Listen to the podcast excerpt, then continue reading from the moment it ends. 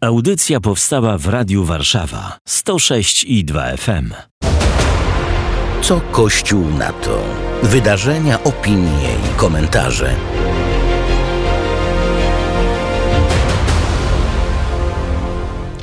Witam serdecznie wszystkich naszych słuchaczy. To audycja Co Kościół na to? Przed mikrofonem Weronika Ostrowska. Dzisiaj porozmawiamy o tym, właściwie zadam pytanie na samym początku. Czy Kościół zmienił nauczanie e, w stosunku do osób żyjących w związkach homoseksualnych e, w związku z deklaracją, e, którą wydała Dykasteria Nauki Wiary 18 grudnia 2023 roku Fiducia Supplicans o duszpasterskim znaczeniu błogosławieństwo o tej deklaracji i o różnych kontrowersjach, kontrowersjach kontrowersyjnych dyskusjach właściwie, które toczą się w mediach. Dzisiaj e, porozmawiam z moimi gośćmi, którymi są ksiądz Przemysław Śliwiński, watykanista, rzecznik prasowy Archidiecezji Warszawskiej. Szczęść Boże, witam serdecznie. Mm, szczęść Boże, witam serdecznie.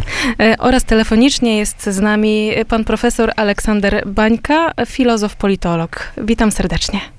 Witam serdecznie, szczęść Boże. Panie profesorze, upewniam się tylko, dobrze się słyszymy? Tak, jak najbardziej. No to bardzo się cieszę. No to czy ta deklaracja, pierwsze pytanie mocne musi być, dlatego że nasi słuchacze o to pytali. Czy deklaracja fiducia supplicans zmienia nauczanie Kościoła w stosunku do osób żyjących w związkach homoseksualnych? Czy od tej pory, od kiedy pojawiła się deklaracja, jest możliwe w kościołach błogosławienie takich związków? Księże Przemysławie. Y, odpowiedź brzmi nie. To znaczy, odpowiedź y, jest y, powtórzona właściwie przez kolejne oświadczenie dykasterii nauki wiary, jak też przez wiele licznych episkopatów na świecie. Nie, nie zmienia się doktryna w żadnym względzie mm, i i pod każdym względem. Y, żeby to zrozumieć, musimy zrozumieć, o czym jest ta deklaracja. Ta deklaracja jest w błogosławieństwach. Y, o błogosławieniu, y, które zawsze było obecne w Kościele, ma jednak, można powiedzieć tak najprościej mówiąc, dwie formy. Formę takiego, takiego sakramentalium zawartego w różnego rodzaju rytuałach, rytach, tak jak błogosławienie małżeństw, tak jak błogosławienie różnych osób w poszczególnych sytuacjach, jak też takie błogosławieństwo, które które rozumiemy wtedy, kiedy ksiądz podchodzi i na przykład nam błogosławi. To jest taki gest duszpasterski.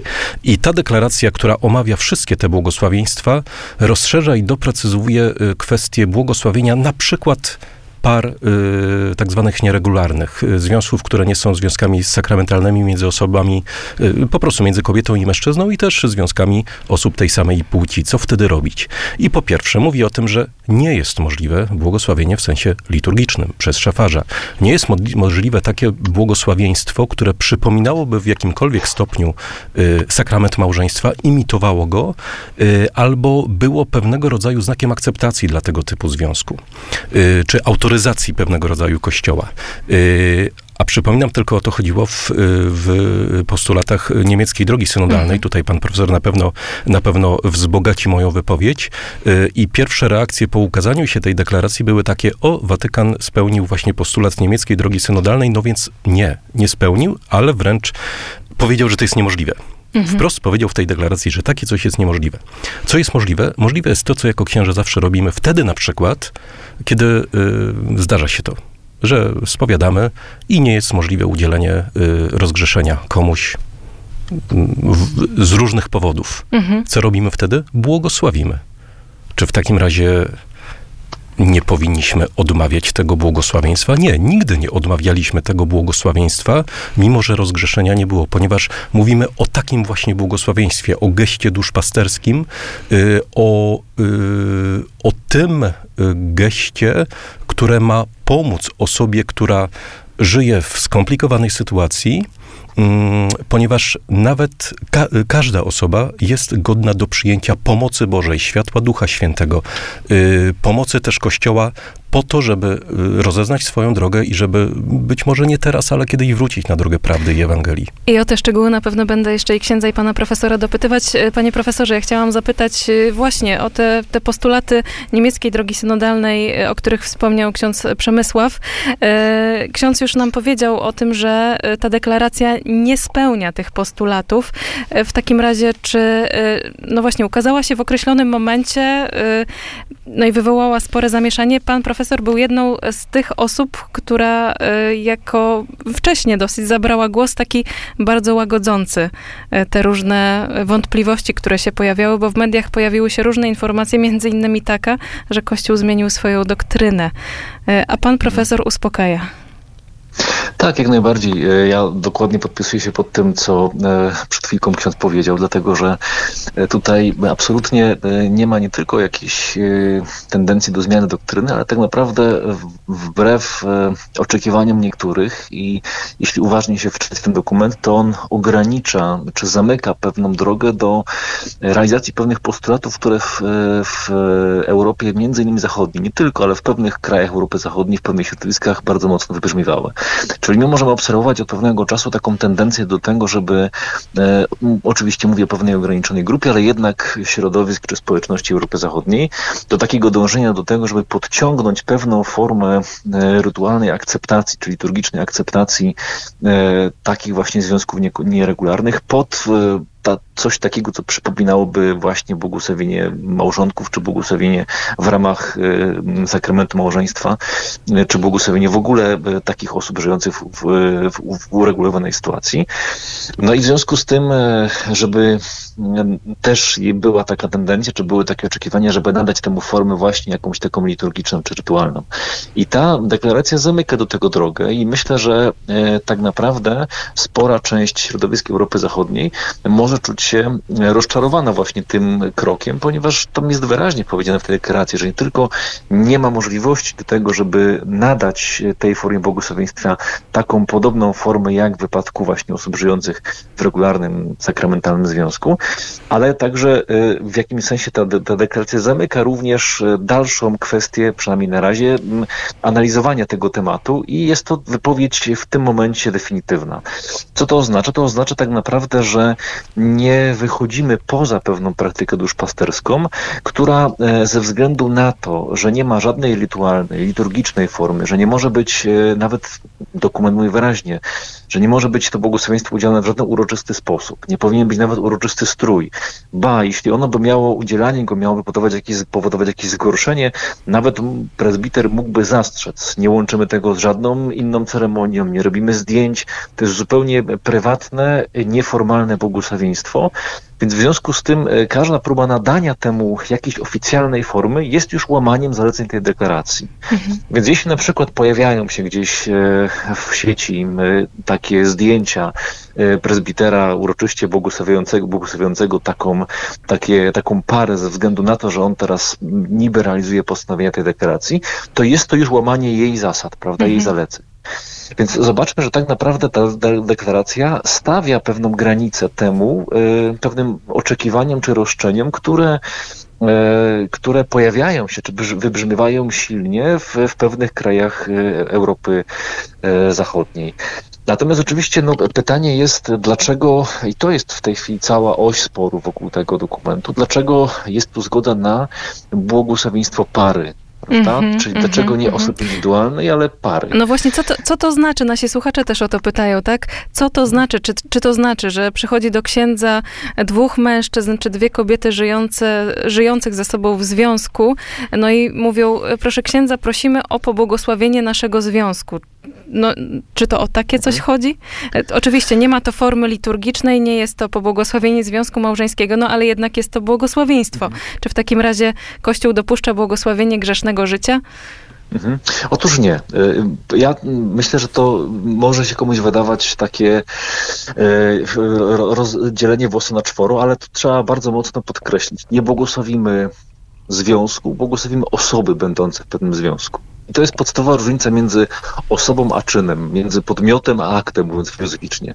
I znaczy to po prostu tyle, że kiedy mamy do czynienia z parą przechodzącą do prezbitera, to ona zasadniczo, żyjąc w takim związku nieuregulowanym, może przyjść e, w dwóch, w takim podwójnym celu, powiedzmy. Albo przychodzi dlatego, że ci ludzie czują, że jest coś e, nie tak w tej sytuacji, że oni mają świadomość tego, że żyją w sposób, który jest grzeszny, że łamią tutaj zasady Kościoła, prawda? Ale na dzień dzisiejszy, mimo że chcieliby tę sytuację znaleźć, nie mają w, zmienić, nie mają w sobie takiej siły, żeby to zrobić i mhm. proszą Boga o jakąś łaskę, żeby mogli w tej drodze podążać do większej wolności, na przykład do życia wstrzemięźliwości, prawda, do, do, y, do takiej przemiany wewnętrznej. Mhm. I tutaj y, i przychodzą z tą swoją sytuacją, prosząc o błogosławieństwo. I to jest sytuacja zrozumiała, niekontrowersyjna jak gdyby, bo wiemy, że błogosławieństwo jest udzielone na, e, na, na coś, co tak naprawdę jest pewnym procesem czy pragnieniem przemiany w tych ludziach. Mhm. Ale jest też druga sytuacja, która ta pierwsza będzie prawdopodobnie dużo rzadsza.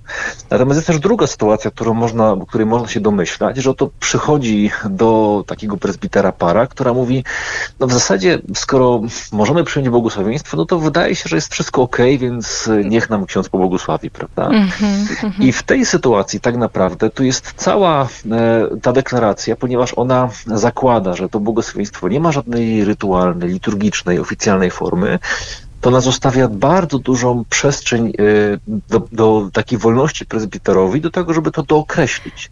On nie może złagodzić e, tej, można powiedzieć, tych, tych założeń, które są w deklaracji napisane, ale może powiedzieć wprost na przykład, nie mogę pobłogosławić waszemu związkowi, bo jest na przykład grzeszny, ale mogę pobłogosławić wam, będącym w tym związku, po to, żebyście e, odkryli prawdę, odkryli Boże miłosierdzie, żebyście się poczuli mm. przez Boga akceptowanie, jednocześnie odnaleźli siłę do tego, żeby być w prawdzie, w wolności i żeby zmieniać ku przemianie, prawda? Czyli dookreślam y, cel. Pan profesor y, zwrócił uwagę na bardzo ważną rolę prezbitera y, w tej sytuacji, też w realizacji założeń deklaracji. Do rozmowy powrócimy już za chwilę.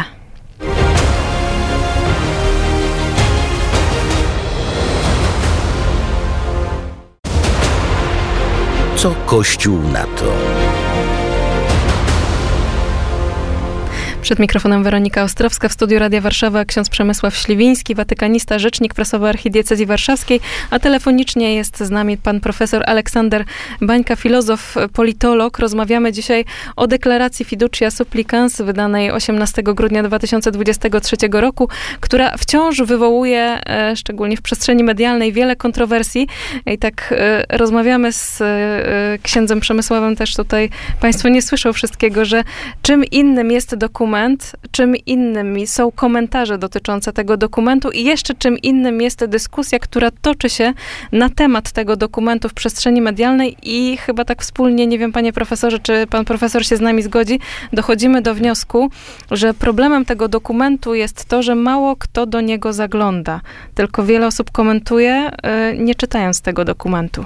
Panie profesorze. To się, rozpo, mhm. się rozpoczęły już komentarze tego dokumentu, zanim w ogóle był przetłumaczony mhm. na język polski, więc część e, tak naprawdę komentowała go tylko z e, z pobieżnych notek prasowych, które pojawiły się e, i to jeszcze w prasie zagranicznej, prawda? Więc tutaj no, poziom takiego lęku, który jest e, jakoś nakręcony medialnie wokół tego dokumentu jest, e, jest niesamowity i teraz z tego powodu myślę, że tak trudno nam spokojnie spojrzeć na istotę tego, z czym mamy do czynienia, ze względu na, na uprzedzenia, na, na niepokoje, na obawy, na pewnego rodzaju e, takie już gdzieś w tle będące przekonanie, że oto teraz znowu papież coś chce w tym kościele nazmieniać, prawda? E, powiedział pan profesor o tym, że na początku rzeczywiście deklaracja była opublikowana po włosku. E, w takim razie księdza chciałam zapytać, e, czy, czy wiadomo dlaczego tak późno właściwie ukazały się te tłumaczenia na języki narodowe? Dlaczego tak późno dopiero możemy sięgnąć po to tłumaczenie w języku polskim? No to jest właśnie problem, który dotyka w ogóle mm, watykańskich dokumentów w erze takiego przyspieszonego obiegu informacji, to znaczy w erze internetowej, kiedy właściwie wszyscy mają dostęp do bardzo szybko do informacji wcześniej niż redakcje, można nawet też tak powiedzieć, do, i werze takich, że są translatory automatyczne. Ja czasem zajmowałem się tłumaczeniem dokumentów też i problem jest taki, że y, translator, na przykład taki automatyczny, mhm. naprawdę dokumentu nie, prze, nie, nie przetłumaczy. Przypomnijmy jeszcze jedno, to znaczy są chyba cztery języki takie oficjalne, na które, na które watykańskie dokumenty zwykle są od razu momentalnie w tej w fazie przygotowawczej tłumaczone. To jest włoski, y, hiszpański, y, angielski i czasem jeszcze francuski, nie zawsze, teraz już rzadziej. Natomiast polskiego na pewno w, tych, w, tych, w, tych, w tym komplecie nie ma. I te tłumaczenia powstają dużo później. Do nich musi być zaangażowany dobry człowiek, dobry tłumacz, który nie tylko jest biegłym tłumaczem z języka na język, dobrze operuje i jednym i drugim językiem, ale też ma wiedzę teologiczną, zna kontekst poprzednich dokumentów. Wie, wiem dlaczego, dlatego, że kilka razy to robiłem i, y, i, i potrafi się odnieść do parafraz niektórych mhm. słów zaczerpniętych z innego dokumentu, z innego źródła, czasem sięgających do Soboru Watykańskiego II, do jakiejś deklaracji papieża któregoś z któregoś tam roku i to wszystko musi być dobrze przestudiowane, dobrze zawarte. Y, innymi słowy, to jest taka walka ilości z jakością, znaczy szybkości z jakością. O tak, możemy to zrobić szybko, a potem się okaże, że musimy zjeść język, ponieważ okaże się, że jedno słowo, które, którego tam użyliśmy w tłumaczeniu, no, było zupełnie odwrotnie. Bywa tak, mhm. naprawdę bywa tak. Y, także y, to jest właśnie tak, że już cały świat o tym, o tym mówi, komentarze bardzo tłumaczy, gorące, a tłumacz tłumaczy, ponieważ mhm. naprawdę tutaj trzeba ważyć słowa, ale z drugiej strony jest też tak, bo jeśli mamy taką sytuację, że y, nie wiem, wielu blogerów, wielu księży natychmiast po opublikowaniu y, się ostatnio jakiegokolwiek dokumentów już włącza kamerki, nagrywa swoje komentarze, oczywiście przeważnie mhm. krytyczne o tym, co oni sądzą o tym, co Watykan robi y, i potem na przykład po, nie wiem, na drugi dzień kasują swój materiał, ponieważ okazuje się, że było zupełnie inaczej z powodu tego, że opierali się właśnie, tak jak pan profesor mówi, na zagranicznym, też nie najlepszym tłumaczeniu Y, tego dokumentu, no to świadczy o tym, że my w naszych y, reakcjach też jesteśmy y, inaczej. Nasze reakcje też muszą być odpowiednio stonowane. Lepiej poczekać, lepiej posłuchać, a potem się wypowiedzieć. Niestety tutaj włączamy, zupełnie odchodzimy teraz od kwestii deklaracji samej. Włączyło się w naszym, w naszym takim pokoleniowym myśleniu, w takich naszej obecnej kondycji kulturowej coś takiego, że nie do końca wiemy, ale chętnie się wypowiemy. Nie do końca wiemy, ale już wyrazimy swoje, nie wiem, zagniewanie, y, swoją, swoje stanowisko na jakiś temat, nie do końca wiedząc. Także tutaj coś w rodzaju takiej edukacji medialnej, tej prostej, klasycznej. Najpierw poczekam, najpierw przeczytam. O co tak naprawdę chodzi, też jest bardzo ważne. Proszę księdza, ale to jeszcze jedno pytanie mi się nasuwa. No to może y, to właściwie byłoby pytanie do Watykanu, ale mogę je tylko księdzu zadać w tym momencie. To może lepiej by było, żeby Watykan poczekał z publikacją tych dokumentów do momentu, kiedy to, te tłumaczenia będą przygotowane. Mm, znaczy, to już postulat na pewno nie do mnie. Pewnie byłoby tak lepiej, gdyby. To, tylko pytanie, czy to jest w ogóle fizycznie możliwe. Wiemy dobrze, mhm. jak to wygląda w Unii Europejskiej, jeśli kiedy, kiedy y, wszystkie dokumenty muszą być tak y, jednocześnie tłumaczone z każdego języka na każdy język, jaka to armia tłumaczy jest do tego przetłumaczona i jakie to koszty generuje. Mhm. To jest pytanie takie, czy my mamy jako Kościół na to po prostu fundusze to, to te, czegoś takiego się zaczyna.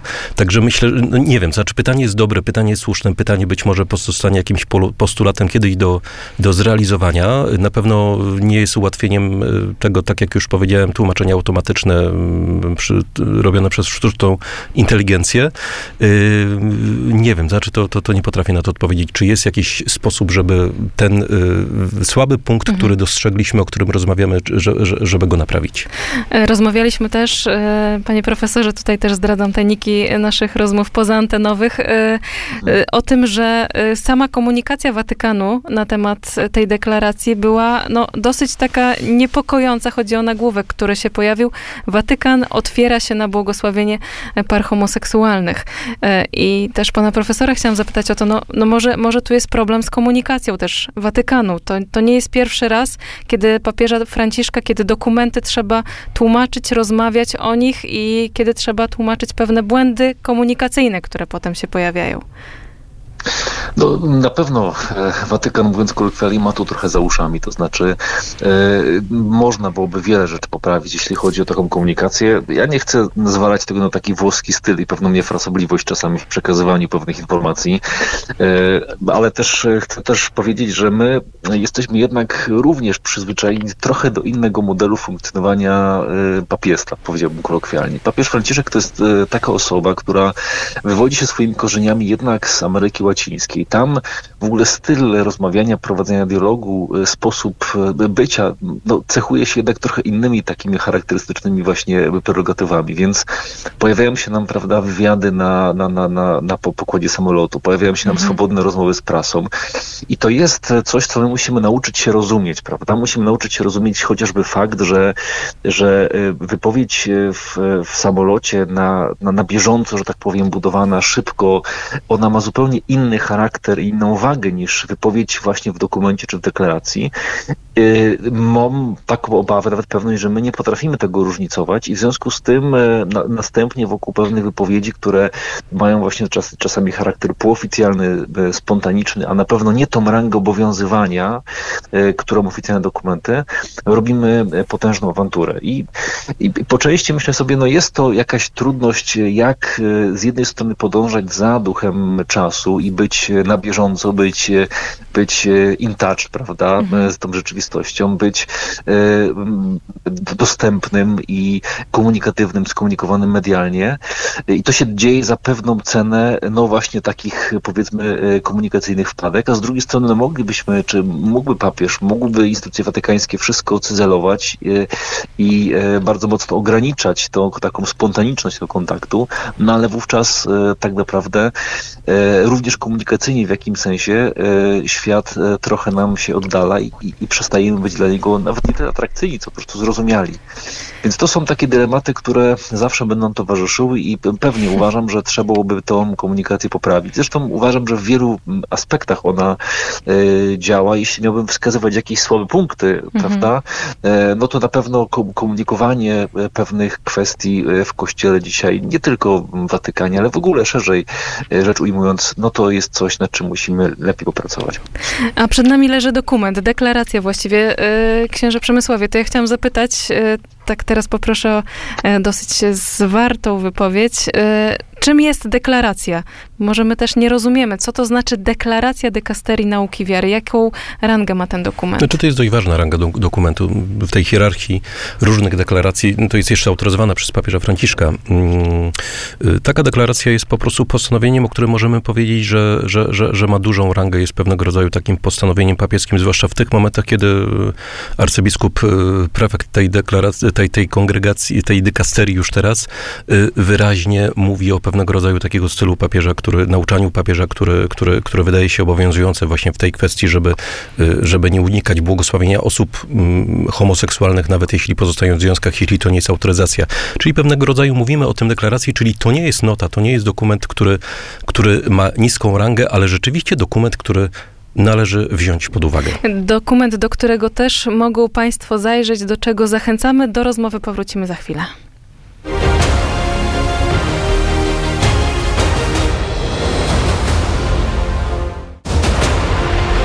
Co Kościół na to?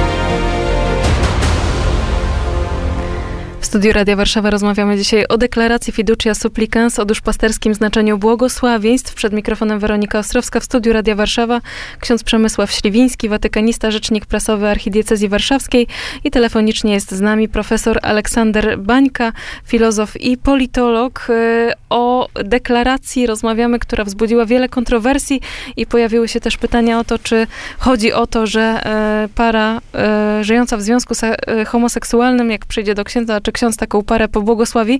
Ja bym chciała, może to będzie też dobry pretekst do tego, żeby żeby tę dyskusję trochę rozwinąć, zadać takie mocne pytanie, um, czy jakby do księdza przyszedł Hitler albo Stalin? Tak znajoma poprosiła mnie, żebym w ten sposób to pytanie zadała, ale myślę, że to, to może nam też coś rozjaśnić. E, czy, czy ksiądz też by im pobłogosławił i co to by było za błogosławieństwo? Co takie błogosławieństwo mogłoby znaczyć? No to jest y, to, to, to, to bardzo ostro y, postawiona, y, postawiona sprawa. Znaczy, po pierwsze rozerwałbym ten związek między osobami homoseksualnymi, Hitlerem i Stalinem. Absolutnie. Natomiast chyba można dotknąć w tym miejscu ważnej rzeczy. To znaczy, jeśli przychodzi ktokolwiek, jakikolwiek człowiek z jakąkolwiek historią swojego życia, złą czy dobrą. Z grzechem, w którym żyje? Z, na przykład z grzechem, w którym żyje. Albo z grzechem, którego nie dostrzega do mhm. kościoła i do księdza. I to jest właśnie ten moment, mhm. który myślę, że pan profesor bardzo, to, znaczy zgodzi się ze mną. Y, y, to jest rzecz, na którą zwrócił uwagę papież Franciszek już w, w, w dokumencie, w, w adhortacji Amoris Leticia, w którym jest przestrzeń do rozpoczęcia drogi duszpasterskiego rozeznawania, to znaczy takiego rozeznawania, które będzie w kościele, które, w którym będzie brał udział też duszpasterz. Rozeznawania, które ma na celu Y, nie usprawiedliwienie jakiejkolwiek sytuacji, grzesznej albo niegrzesznej, tylko postawieniu sobie pytanie, co ja z tą historią, z, tą, z tą sytuacją, z tym grzechem, może którego nie widzę, może którego zobaczę, może które Kościół mi wskazuje, ale ja się z tym nie zgadzam. Co w tej sytuacji muszę zrobić?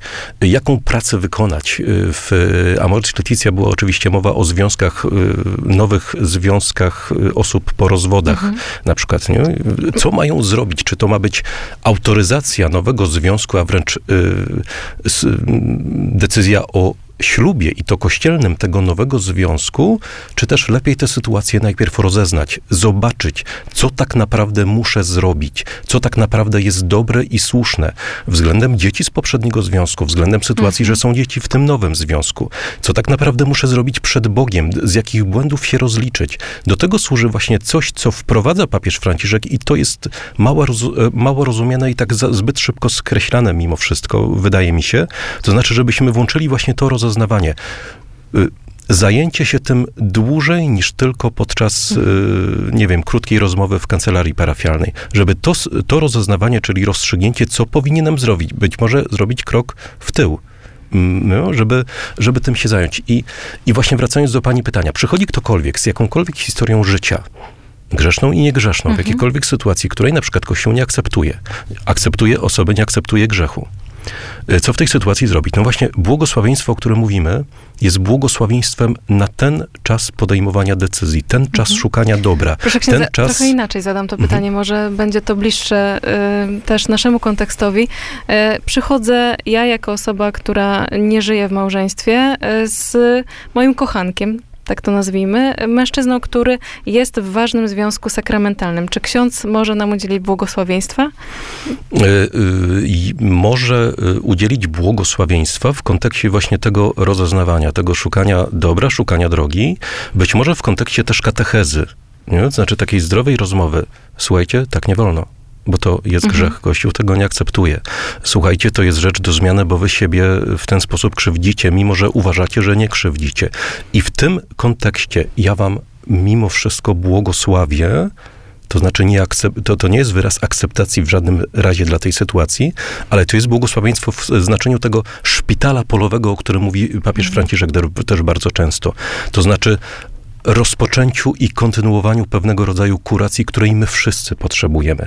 Właśnie chyba z tego powodu, to, to jest takim pięknym akcentem y, pontyfikatu papieża Franciszka, że papież naprawdę chce wszystkich zgromadzić w kościele, a zwłaszcza grzeszników, dla których być w kościele to jest ich naturalne środowisko, bo kto jak nie kościół ma grzesznika, grzesznikowi pomóc. Mhm. Panie profesorze, to teraz pana chciałam zapytać e, o tę wolę Bożą, bo tutaj w dokumencie też jest e, bardzo mocno podkreślone, że błogosławieństwo sakramentalne mówi o tym, że to jest wola Boża dla tych dwojga, którzy wchodzą w sakrament małżeństwa. Jeśli chodzi o błogosławieństwa par nieregularnych, w sytuacjach nieregularnych, czyli nie chodzi tylko e, o pary homoseksualne, pary tej samej płci, ale także te osoby, które żyją w związkach niesakramentalnych na przykład, ale rzeczywiście jest bardzo mocno w dokumencie podkreślone, że chodzi o to, żeby to było światło, Boże błogosławieństwo na wypełnienie siła do wypełnienia woli Bożej. Pan profesor powiedział też o tym, że tutaj e, duża rola prezbiterów, czyli papież Franciszek, z tego co rozumiem też z naszej rozmowy, pokazuje tak naprawdę tą wąską ścieżkę. To nie jest ta szeroka droga, to nie jest takie łatwe, bo trzeba znaleźć czas na tę konkretną Oczywiście. osobę, która przychodzi.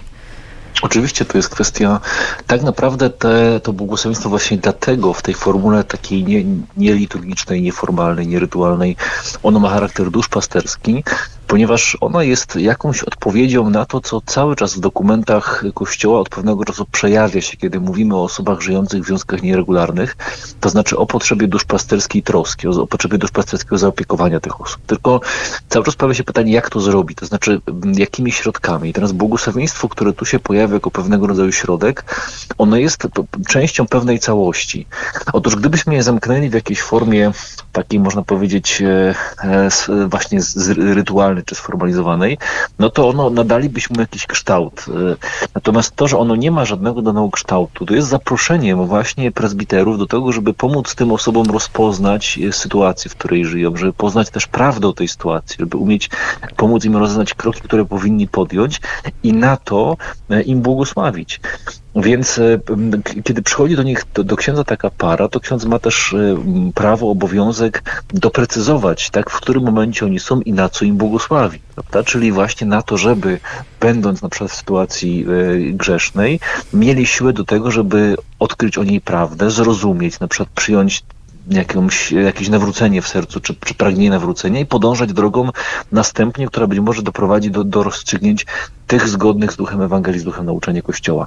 Ale też e, czasami to jest, e, to, to jest trochę też tak, że e, takie osoby, które przychodzą i proszą o to błogosławieństwo, też nie do końca rozumieją sytuacji, mhm. w której się znajdują I, I to jest też moment do tego, żeby ich, e, ich o tym jakoś też pouczyć, e, katechizować, ewangelizować, ale też towarzyszyć im w drodze, czy zbudować pewną relację, która skutkuje często tym, że ogłoszenie Ewangelii, które nie jest możliwe w punkcie wyjścia, bo z miejsca sytuacja egzystencjalna tych osób sprawi, że im odrzucą, to po jakimś czasie może zostać po nich przyjęta, czy ogłoszenie przez nich przyjęte, czyli ogłoszenie Ewangelii staje się w tym momencie czasami punktem dojścia.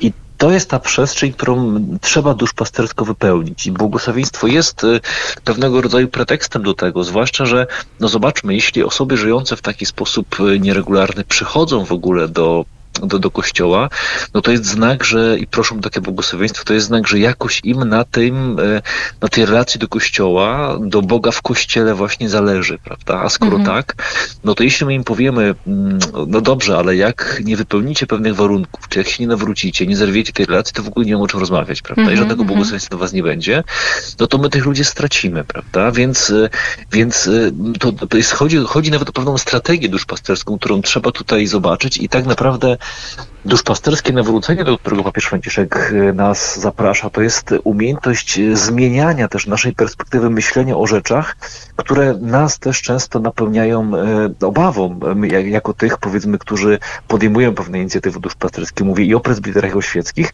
to trzeba nagle okazać, że musimy no, wejść w ten kontekst trudnej sytuacji i nawet, jak to mówi obrazowo papież, e, no pobrudzić ręce, prawda? Czyli, czyli, czyli nawet ryzykować to, że ktoś będzie nas patrzał krzywo, prawda? No o właśnie, on się przestaje z grzesznikami, czy, czy błogosławi grzesznikom, jak on mhm. tak może.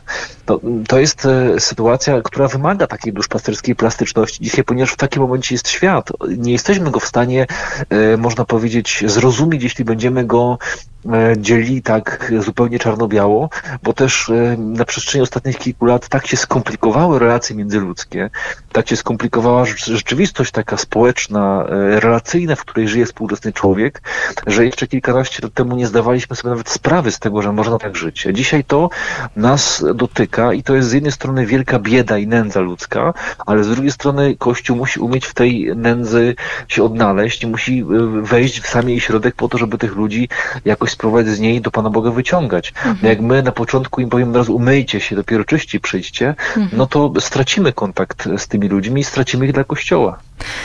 Bardzo ważne słowa na koniec naszej rozmowy e, padły. E, zachęcamy Was, drodzy słuchacze, do tego, żeby przede wszystkim sięgnąć do tego dokumentu, przeczytać go e, i też z taką dużą uważnością, może bez emocji podejść do tego, co tutaj jest napisane. Sięgajmy po dokumenty, a nie, może nie wyrabiajmy sobie opinii na podstawie innych opinii, które pojawiają się w internecie. Niestety w tym momencie musimy naszą rozmowę skończyć, ale bardzo serdecznie dziękuję za te wyjaśnienia Myślę, że też będzie potrzeba, żeby jeszcze powrócić do tego tematu. Na ten moment dziękuję za to spotkanie. W studiu Radia Warszawa ksiądz Przemysław Śliwiński, watykanista, rzecznik prasowy Archidiecezji Warszawskiej. Bardzo serdecznie dziękuję. Dziękuję bardzo za rozmowę, panie profesorze. Pozdrawiam. Panie profesorze, pan profesor Aleksander Bańka, politolog, filozof, był z nami telefonicznie. Bardzo serdecznie dziękuję za pana cierpliwość przy słuchawce. I do usłyszenia. Ja bardzo dziękuję za rozmowę. Dziękuję panie redaktor, dziękuję księdzu Przemysłowi również. Do usłyszenia, Weronika. Monika Ostrowska. Co Kościół na to?